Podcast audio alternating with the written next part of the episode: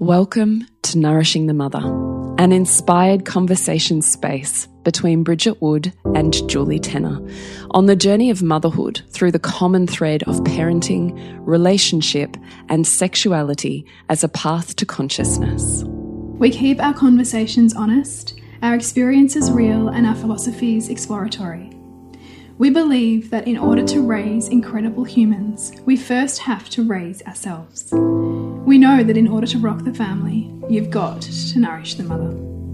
If you are here, you care about paving a path of conscious and intentional motherhood, connected with yourself and your gifts, and also illuminating your children in theirs so we may raise more whole humans who can impact this world in a more humane way.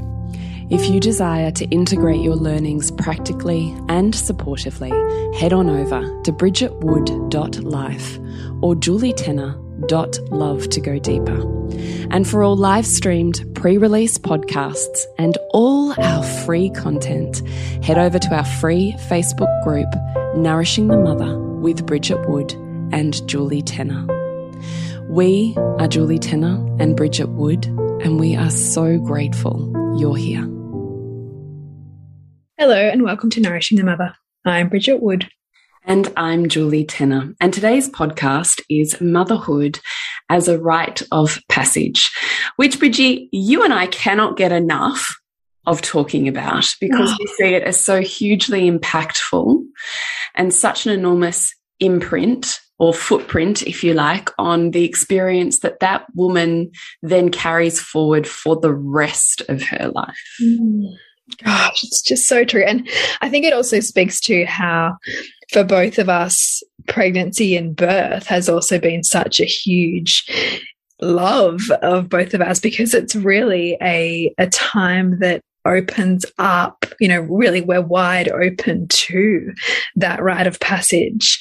But that's not where it begins and ends. And I love that we're having this conversation because there are little points throughout our mothering journey that we are offered opportunity to grasp it as a rite of passage and to undo ourselves in order to be more and expand who we are as mothers and in turn um, what we give our children.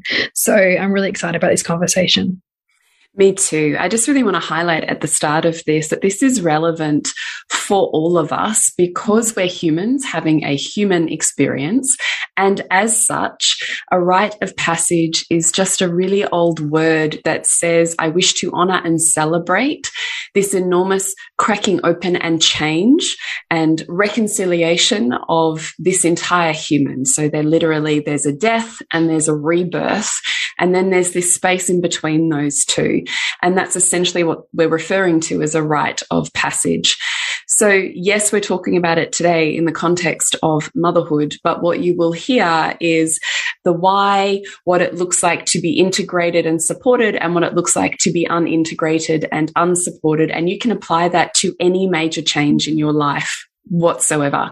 So, whether you are a mother, aren't a mother, are trying to be a mother, you know, find yourself in the space of not wanting to be a mother, wherever you are, forget the part that says motherhood and just insert major change or transition or challenge in my life. Mm. And the mm. same principles will apply. Mm. I love that you've said that. Yeah. So let's begin with why motherhood is a rite of passage. Mm. Well, when, when I was thinking about this, I was thinking, well, first of all, on a biological level, I cannot get past the fact that that period of matrescence, which is when we was what, which is essentially what we begin when we first have a baby, and can last up to you know beyond even the first seven years. But that that early period of pregnancy and birth, we go through more hormonal change then than the period of adolescence. And we all know what adolescence feels like. But we understand, like, on, as a culture, as a society, we tend to understand that adolescence is enormously transformative and sticky and icky and awkward and hard. And, and we try to have reverence for that. But how much do we actually really allow the reverence and the holding and the support purely just for the biological piece of transformation that motherhood does, and therefore, of course, changes everything. I mean, if your brain's changing that much, then your whole identity is shifting. Mm. You're, you're, you're nothing like who you were before, but yet we try to clutch onto that. And that can be where so many women, I think, come undone. Yeah, I love that you said that because when you and I were talking about this earlier, you were saying you literally are in literally recreating your entire life. Like your body is your life. You're mm. literally recreating your body by virtue of the changes that happen during matrescence. Yeah. Like it's extraordinary. And I have the deepest compassion for my teenagers when I'm like, you are literally reminding your entire self. Mm. Like the amount of cellular death, renewal, and creation that happens, they end up with like 30% of the brain that they've had. No wonder they appear to be toddlers. Yeah. and then I think. Like, you probably have to remind yourself of that multiple times a day, right? Oh, like that's no, I legit do. It's the weirdest thing. I know I'm, I'm digressing, but I'll just say how weird it is because there's literally these huge, enormous bodies, and I'm going, "Have you taken your backpack?" As you headed out the door, oh, yeah, I'm going. Have you got your shoes on? like it's like a toddler. it's like the most bizarre thing. And then I think about how it felt to feel like my brain had left my body with my placenta. Mm. I literally I saw this mum before we went into our last lockdown. I saw this beautiful mum at school who just had a baby. And she was like, Oh my God, I can't even, I don't know what has happened to my brain. I don't know where anything is. I can't remember anything. And she was just recounting that part that I have the deepest, mm. softest compassion for because I remember what that feels like to go, hang on a minute. I was this hugely articulate, intelligent woman in the world who could validate the space and the time that she was in. And now I'm like, feeling so stupid and insignificant. What's, what's yeah. yeah. Yeah. What has happened to me? yeah. yeah. And there's part of you that goes, good Lord, and is this ever coming back? Mm. Like I can't, I can't remember the thing I walked into this room for. I can't tell, like your brain leaves, but it's because of what you're saying. You are literally recreating your brain and your physiology and your cells and your neurochemistry and your hormones just as you remind and remake your body in adolescence. God. Like it's really profound, isn't it's it? Really, really huge, and yet so under supported, you know, under recognized. And so we go around thinking we're stupid and and can't keep up, or are somehow, you know, lacking. Yeah, exactly, exactly. I would like to tell you your brain does come back. So hang in there because I promise you that it does even if you're in that phase and you're worried about it. Mm. The other why for why motherhood is a rite of passage is the enormous body change. So we've just talked about it on a physical or biochemical level, but there's also the my entire body has grown another body, mm. has birthed another body, and now I'm left with this in between the growing of another body, the birthing of another body, and not the body that I've always known and lived in up until this point in time.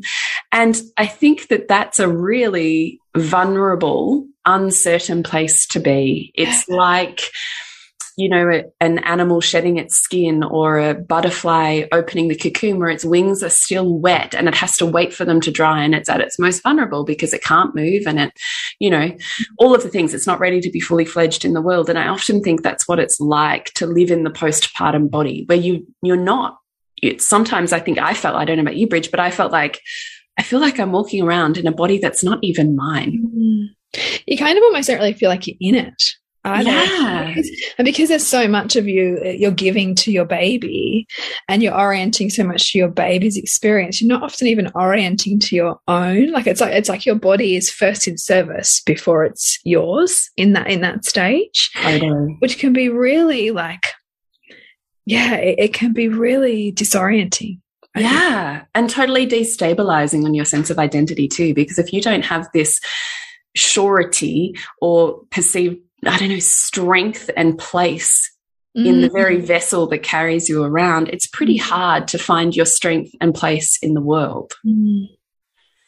So I just think that's an incredibly vulnerable time which I think should have more delicate care mm. taken of those women.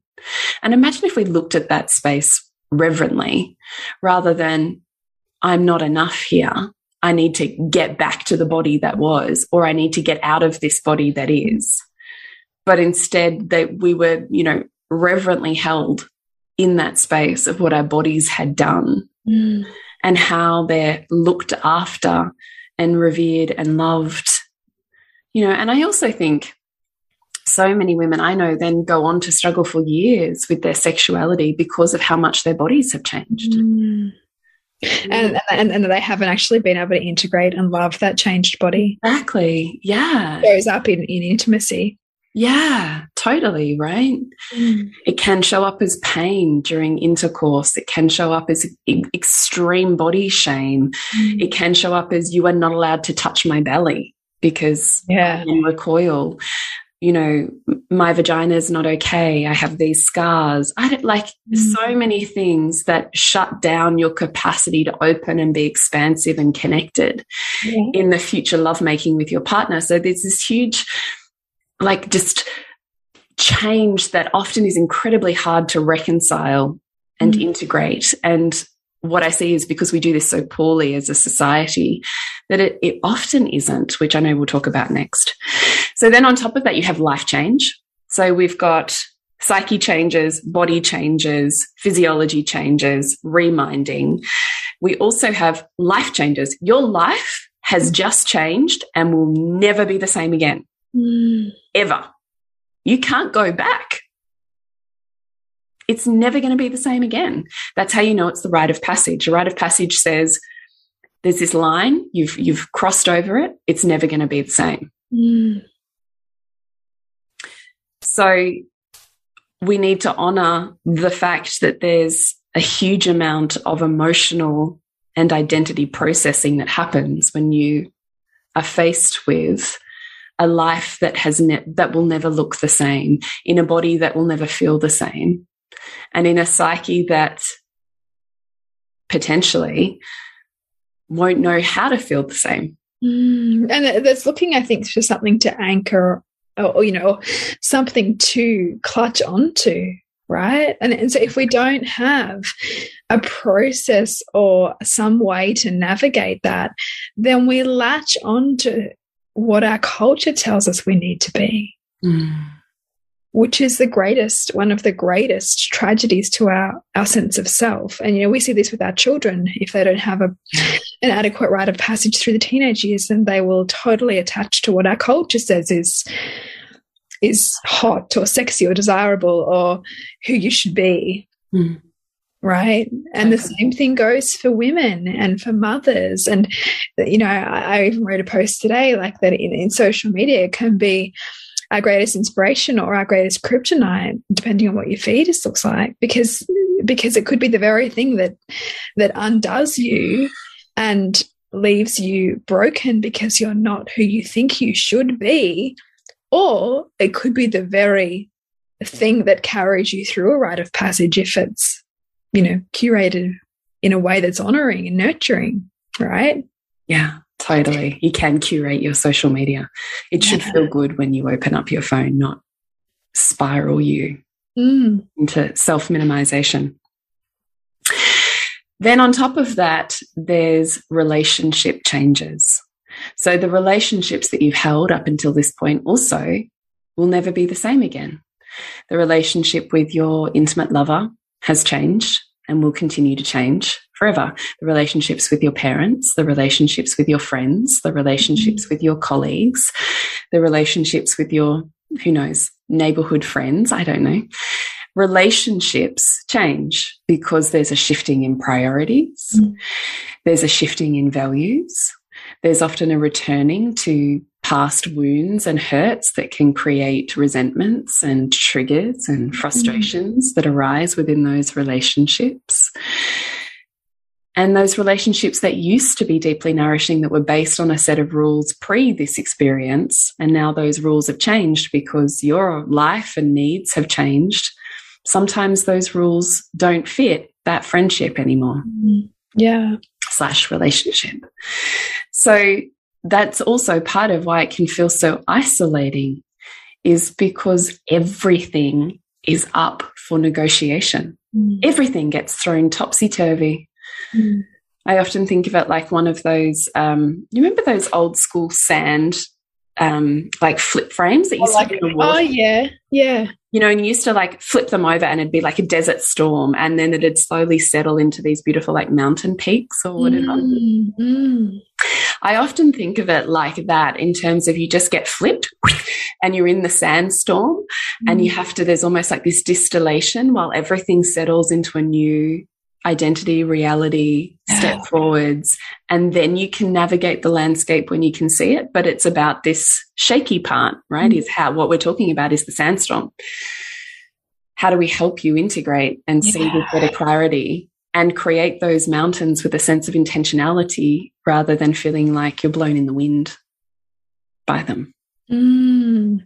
And and two, I mean, like that's the difference between being able to to find more ease is the ease in it is how can I find a way to allow this to happen, you know, to allow this this mm. shaky ground to be here, to allow this transformation to be here without doing everything that that my prior identity or my personas and are not really me, but that it's who I'm attached to without them coming up in a destructive way mm. to try to clutch onto who I've been or what, or what I've established myself as or how things used to be mm. and cause chaos, which is really just, which is really just deny, deny, deny, like delaying the inevitable, which is your transformation.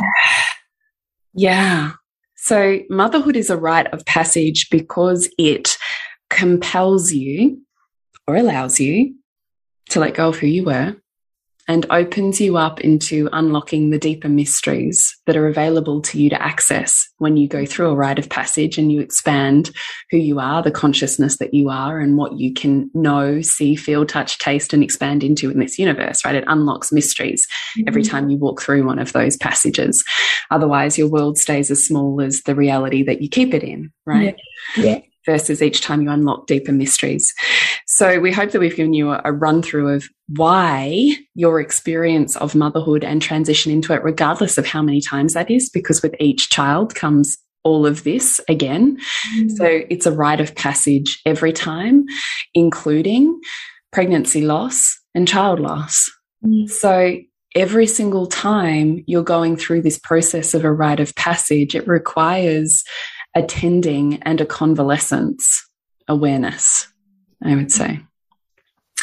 So let's just assume we do what the vast majority of our culture does, which is move through a rite of passage in an unintegrated and unsupported way. What does that look like? Messy, full of blame, insecurity, security, anxiety, yeah. Looking for things outside of yourself to make yourself okay. Mm. Mm. Trying to control with obsession the controllables, you know, totally. like a nursery or, you know, the baby's clothes. yeah. Yeah. Yeah. Yeah. Totally. Sleep patterns, feeding Sleep. patterns. Yeah. The gadgets. Yeah. Yeah. The the birth. Yeah. Yeah. Yeah. So hard. and I also have the deepest compassion for that because I can see, you know, insidious ways where that's kind of things played out in my psychology too. Oh my gosh, me too. And when you're up on shaky ground, your survival instinct kicks in and you look mm-hmm. for what you can control mm. to hold on to safety. Yeah. But the tighter we grip to control, in actual fact, the more out of control we feel. Yeah. Yeah.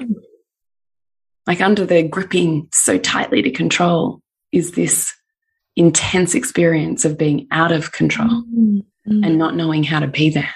Mm. So that's why you can have a huge amount of compassion for it, is because that's a fucking scary place to be. And you know, our, our brains are wired to seek control. So, like one of the four threats that our brain perceives is feeling out of control. Mm. And so part of navigating, if we were to move on to how you would navigate a rite of passage would be to how to create safety, i.e., a perception of control for yourself to allow yourself to move in an integrated way through that transition. Mm. What does that mean exactly? Can you break that down? Well, I'm thinking about, you know, the ways in which you and I facilitate rites of passage, which is yeah. creating a space where it says, this will hold you mm. so that you can unbecome. It's so true because where else can you? No. You can't as a mum because mm you've got someone you've got to look after. Yeah. And it feels incredibly unsafe to try to do that and hold at the same time. Totally. Or, ask, or ask a partner who's going through their own rite of passage and possibly quite unintegrated. Mm. Asking them to hold can be mm. almost impossible because mm. you can't both like I think you need to take it in turns essentially for you to each integrate and transition in a way that allows both of your wholeness to have two people unraveling at, at, a rapid rate is really hard to find any stability through and that's why we we need to seek those around us who can support us through that yeah because it's a lot on any one human, isn't it? Yeah. It's yeah. huge. And I mean, you and I talking before we started recording about, you know, being in lockdown and, and this nuclear experience that we're having, which is so unnatural and is not allowing for that rite of passage to take place. You know, so many families going through enormous transition, um, you know, at a time of great fear, instability, mm and then without community it's a vulnerable place to be. It absolutely is. Yeah, absolutely is. We're just interrupting motherhood as a rite of passage to let you know what is open and available for you to jump into to deepen and expand at the moment. So, what have you got going on, Bridgie? Coming up, beginning on the 18th of October, is Disrupt, Revealing the Mother Wound, which is a beautiful five week immersive space with me where we will take you on a transformative unraveling of your own mother imprint and the broader social and cultural imprint that we live and exist in as mothers as a way to really empower your own mothering journey and find more ease, flow, and joy in your parenting. What about you, Jules? And how do we find out about that? Head over to bridgetwood.life. And for the next three days, Sanctum, safe, sacred, and sage like space for facilitation and creation is open for enrollment. So if you're looking at really wanting to deepen and expand how you hold women and create spaces of gathering and ceremony, rites of passage, and explorations into what else might be possible in the work that you do, go and check that out at julietenner.love. So the other one that I wanted to touch on here, perhaps if we just return to the unintegrated and unsupported mm. outcomes, is also just a lack of willingness to receive help, just this self-sufficiency at the cost of all, all else, so that I'm the good enough mother or I'm doing the right things and I'm running myself into the ground. Perhaps I don't have the boundaries to refill my own cup. I'm so Mm. stuck in the cycle of needing to serve and be devoted to the service of everyone else, mm. that I'm exhausted and depleted. Mm. And that often what comes out of that is a self protection of, I can't say that I can't do this, or I don't know how to say I need help, or, you know, Joe down the street can do it. Why can't I? Yeah. You know, all of this self protection that comes up in that space that has no reverence for what you yourself as a human and a psyche are going through, mm. nor the mother wounds that you come with. Mm. Which might actually have deeply patterned that for you.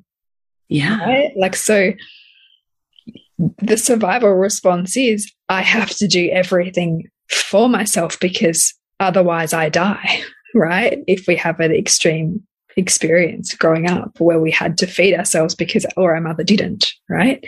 So that gets activated in a way that it potentially hasn't been activated for decades So that also can add to burnout, to lack of intimacy, to feeling incredibly unsafe in the world because you're now having to have those pieces of you come up to be seen and felt.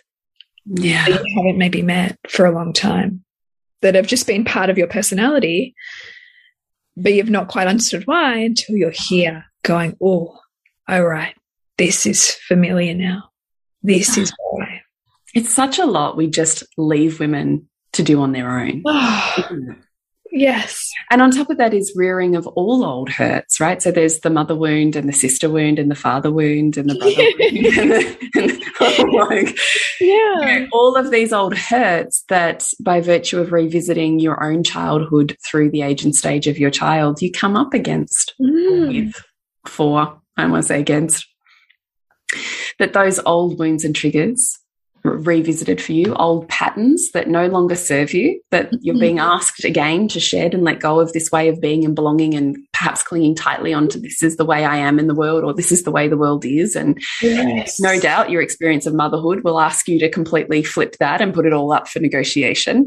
Mm. So we're revisiting all of these old hurts and wounds, and then we're coming crashing into essentially a nightmare that we were unaware of while Yeah. we were running a projected future fantasy. Do you Mm. want to take us through what that? Yeah, so I love this. I love it. Love and loathe this this kind of truth, this universal truth that you know, the bigger the fantasy, Mm. the greater our experience of a nightmare. So if we have this fantasy on our motherhood being this, you know, deeply nourishing time, and that we're going to just love and adore being a mother, and it's going to feel beautiful and connected all the time, and we're going to you know, effortlessly transition perhaps who we were to who we're becoming, and our relationship will thrive and we'll enjoy spending time with our children, like, you know, stack, stack, stack, stack, stack, hallmark card after hallmark card, right? Perfect mother myth, like everything, throw it all in, like, you know, and say that's what I want to be Tie it with a nice bow. the less we examine at the same time as all those ideals we might like, the less we examine the other side of each of those, which might be feeling resentful, feeling, you know, overwhelmed, um, having tricky parts in our relationship because we're having children. The less examined those things are, and the less um, recognize they are as part of a whole experience, the more challenge and pain they're going to bring up for us because we've had an attachment to our success or the right way being everything in column A and nothing of column B. Mm. So we're essentially attached to this one sided experience of life. So the more that we seek ease or the more that we seek for people to support us, the more that we are going to attract challenge and attract a sense of hardness and stuckness and constriction because we're trying to avoid them. And by the, by the very avoidance, we're inviting it. Mm. And so part of recognizing a transition that we're going through is recognizing, I guess, a little bit like labor and a little bit like birth and a little bit like those early weeks and months of sleeplessness is there's going to be pain here. Mm. But that pain is purposeful. So I don't say I want to have a baby and just check out of like the experience of labor. Like I know that the labor is setting me up for the mm-hmm. experience of parenting this child and I have to go through that. That's a that is a rite of passage. For me to try and skip that is for me to try to have like I don't know, like have the gold shiny thing at the end without doing the work to have mm-hmm. that.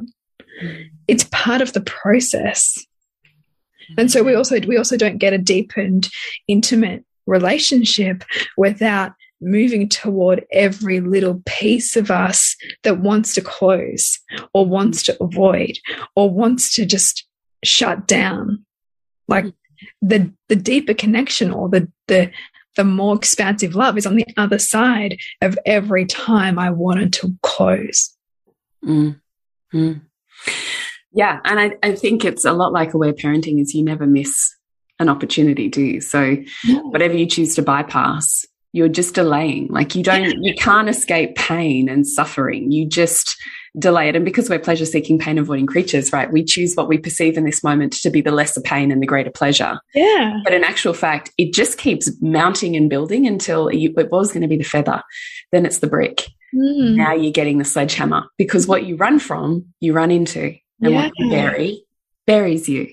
Yes right? Like, like, and it's, I mean, you can't, like, you can't escape yourself. it's, it's, it's brutal, right? Like, I mean, that's the reality of it. But I also think it is alchemy when we can go, ah, oh, I can't have one without the other.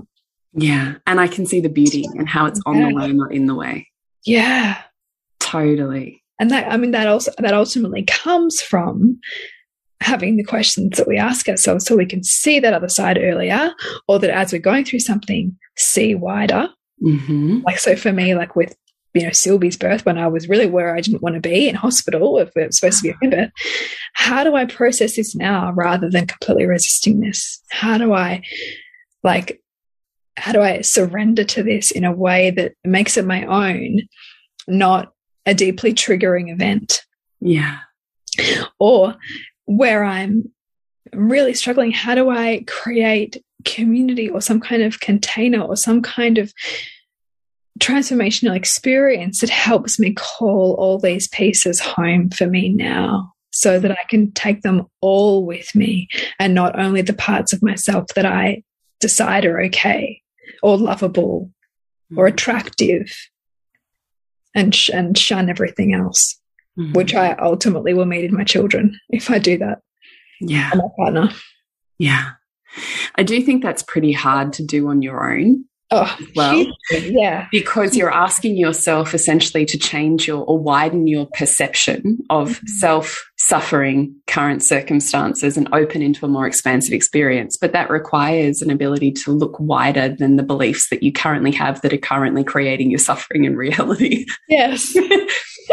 it's like it's like kind of huge. yeah, and it's like somewhat counterintuitive as well because I guess what we're saying is this is the reason why we enter spaces and places with other sages, guides, space holders, and experiences of deep gathering so that we are opening ourselves into wider perceptions based on someone else facilitating us and mm. someone else who sees the world differently to us, opening our view and opening our eyes and opening our perceptions. It's pretty hard to open your own perceptions when you're stuck in the brain and perceptions that created them in the first place. Yeah, absolutely. I love that you've said that because it's true. Otherwise, we can end up just going round and round in circles in our own brain. There's no benefits. I can't possibly imagine how this could be a benefit to me. Mm. There's no, this is da da da da da. Mm -hmm. you need to be facilitated through that. That's pretty hard to find on your own. Mm. So let's talk about then to like round this experience of why what it looks like to be unintegrated and unsupported as a rite of passage. I'd also say that rites of passage stack. So each time you enter a new rite of passage, anything that's unresolved also just comes along with you for baggage for an mm. extra ride through the next rite of passage, the next moment that you're opening, it just kind of like amplifies it. So whatever is unresolved always finds its way another opportunity to heal. Yeah. So if we continuously avoid those opportunities to heal, which is what we were saying before, or we just don't know, or we're unsupported and can't, then it just kind of stacks and gets harder and harder each time we enter a new rite of passage or slash life entirely upheaved and everything up for renegotiation in whatever form that looks like. Mm -hmm. So a supported or integrated journey, I think I mean, I just want to riff on that a little bit on what that would look like that's different to the unintegrated experience of motherhood as a rite of passage. So, the first thing that I'll shift to you, Bridgie, the first thing that comes up for me is just making your experience okay, worthy, and really normal, mm -hmm. rather than thinking that you're abnormal, having an isolated experience, disconnected from self and other, mm. unable to be authentic because there's all these things in the way blocking you or wrong with you, mm. not able to reveal your true self or find your authentic next self because of all of those blocks towards all of the upheaval and change and intimacy and all the things.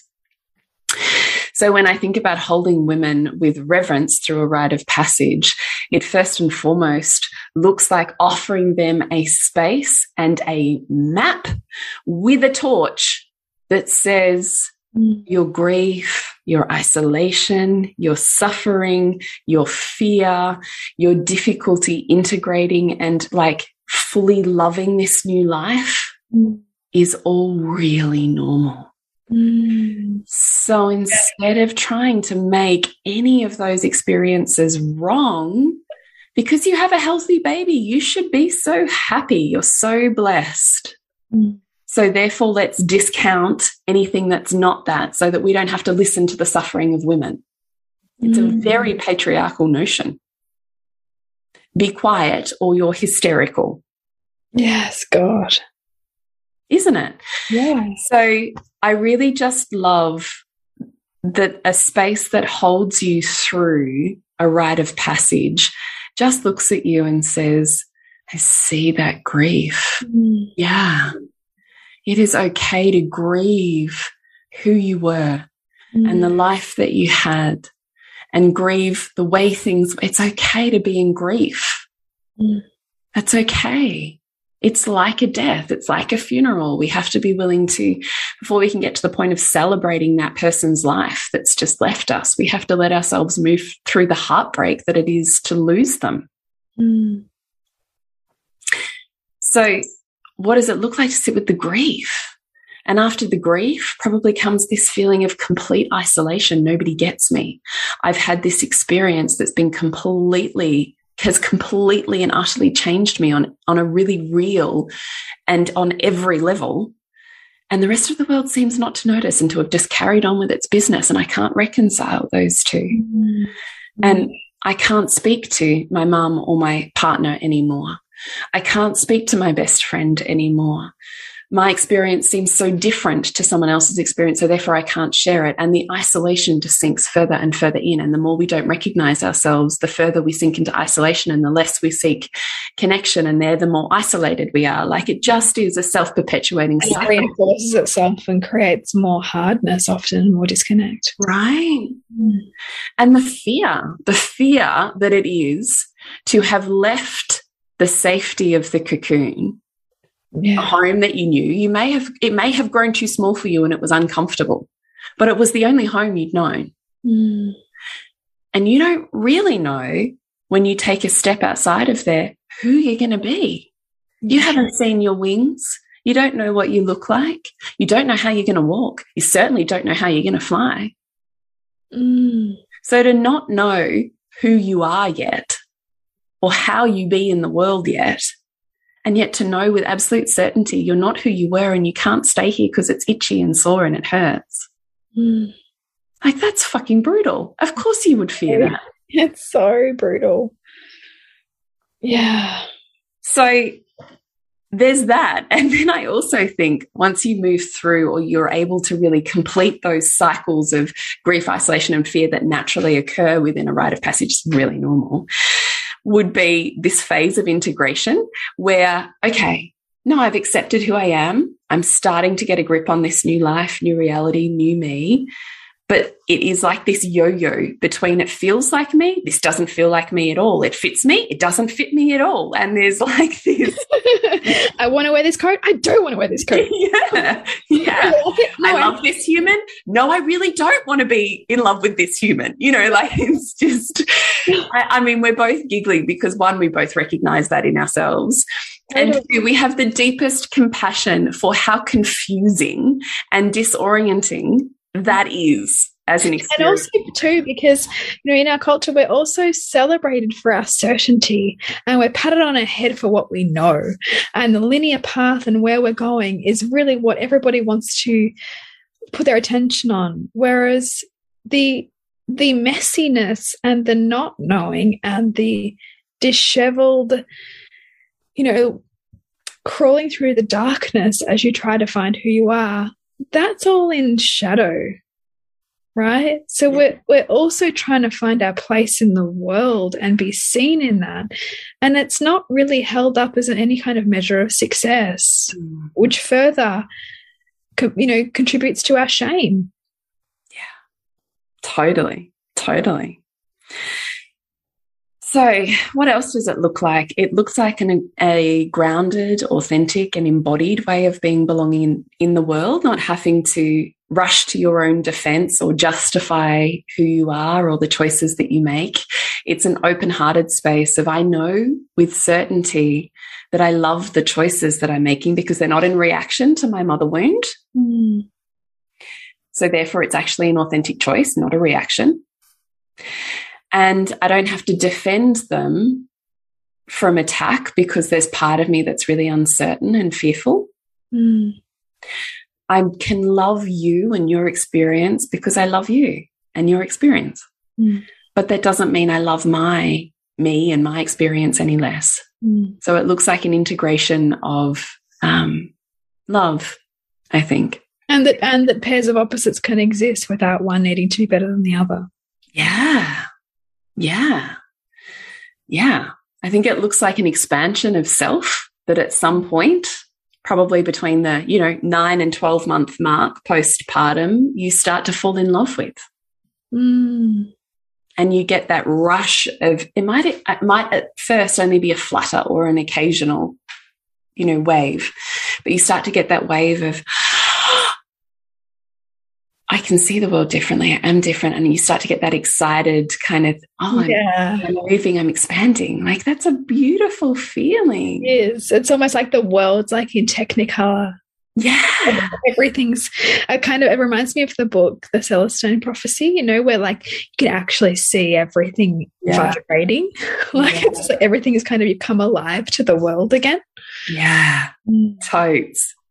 God, I read that book when I was like 14 and fucking loved it. Yeah, I haven't read it for so long and I really want to read it again. yeah, it's so funny you said that to me. You're like the third person that said it to me in like a week, just oh, randomly. Oh, really? Yeah, I'm like, okay. Need to need to reread. Yeah, need to reread. and I would say that it looks like someone who is comfortable with their new identity and who mm-hmm. finds that stepping into their new identity more easeful because they're not struggling to reconcile who they are mm-hmm. and they're not struggling to go back to who they were. Yeah. Yeah. They're they're they're okay in the transition. Yeah. And being in that place. Sometimes of not knowing and being comfortable with the not yeah. knowing. Mm.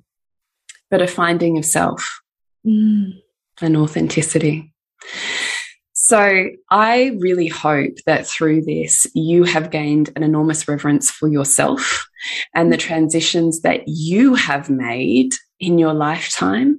I'm sure a number of times and that perhaps went unseen, unrecognized, unsupported and had hangovers of lack of integration and the deepest compassion for how that complicated the experiences that you had mm. leading into that new identity.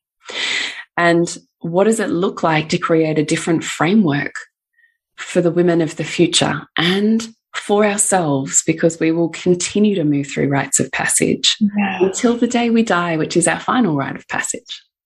Mm. So, what does it look like to really build and construct a community and carve out a space where you can be deeply authentic in a way that is not safe in other areas of your life or possible? What does that look like to do? Mm. How do you find that? How do you create that if it doesn't exist? And you might be full of fear that, you know, oh, well, I couldn't possibly, and all these women who, and it's not part of their language. But every single person that I have met is always seeking to deepen their authentic self and to receive connection. Yes. It's it's it's just it's part of our innate human nature.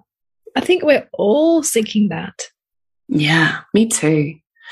So if you're feeling called and you don't yet even fully tangibly know why, or you want to deepen it, then I invite you into Sanctum, which mm-hmm. only is available for another three days. Enrollment closes on Thursday, the 16th, and that's a five week journey with me where we move through and integrate what it looks like to have an integrated rite of passage, how you hold that and facilitate that for potentially groups of humans or women, what it looks like to hold space, safe, super safe, trauma informed and responsive space, and what it looks like to create a business that feeds your life force, energy, and soul as much as it can actually be financial for you. So I really invite you to check that out at julietenner.love or on the socials. That's a beautiful, beautiful offering. And if you feel called to really deepen your understanding and exploration of your own mother wound and the imprint that you've come with, then I really invite you to consider joining Disrupt, Revealing the Mother Wound, which begins on the 18th of October, which is a four week program, which will have a number of trainings and workbooks, uh, circle, and facilitation through the group. So it'll be a really beautiful, intimate space for you to go on more of your own journey of integration. I was looking at your post today. What are the modules? What do you know what the like the kind of overarching yeah, um, you put me on the spot. yeah, sorry, only because I was literally reading your post today, going, "Ah, oh, yeah, that's a beautiful flow through the transition of working yeah. out what your wound is, how it's impacting you, and how you heal it." Yeah, so it's mapping your own wound. So that's uncoil. So to understand what that looks like and how that shows up in you. And then it's understanding the broader sociological imprint that we all come with, whether we're conscious of it or not, because our motherhood is socially and culturally created. It's not just something that we experience in isolation. Um, and so after those two modules, we then journey on to the next one, which I thought I would open up and remember what it's called because it's completely left my brain right now.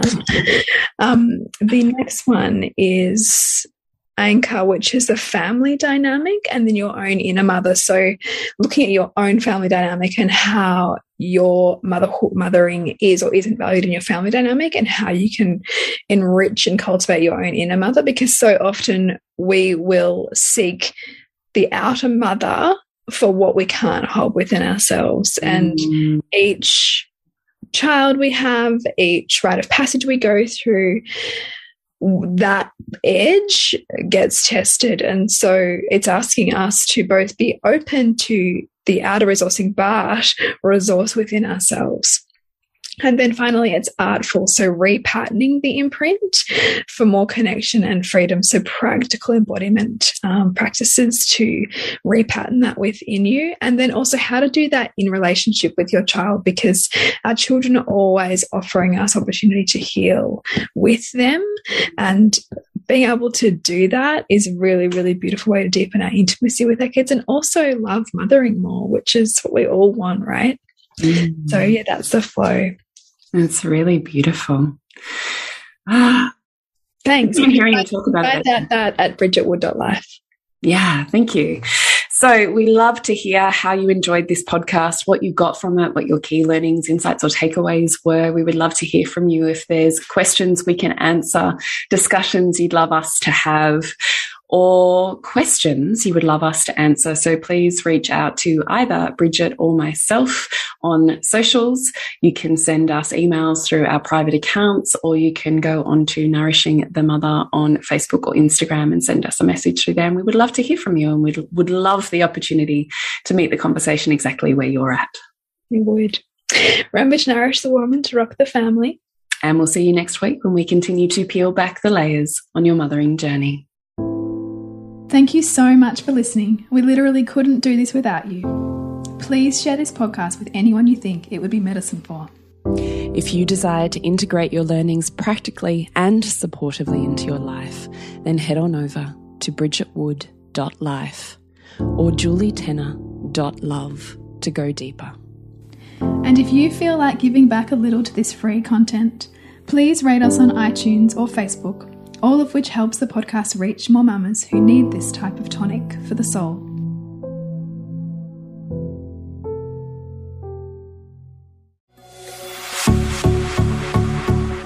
This has been a production of TheWellnessCouch.com. Check us out on Facebook and join in the conversation on Facebook.com forward slash The Wellness Couch. Subscribe to each show on iTunes and check us out on Twitter. The Wellness Couch, streaming wellness into your lives. Whilst the Wellness Couch presenter endeavor to provide accurate and helpful information to their listeners, these podcasts cannot take into account individual circumstances and are not intended to be a substitute for health and medical advice from a qualified health professional. You should always seek the advice of a qualified health professional before acting on any of the information provided by any of the Wellness Couch podcasts.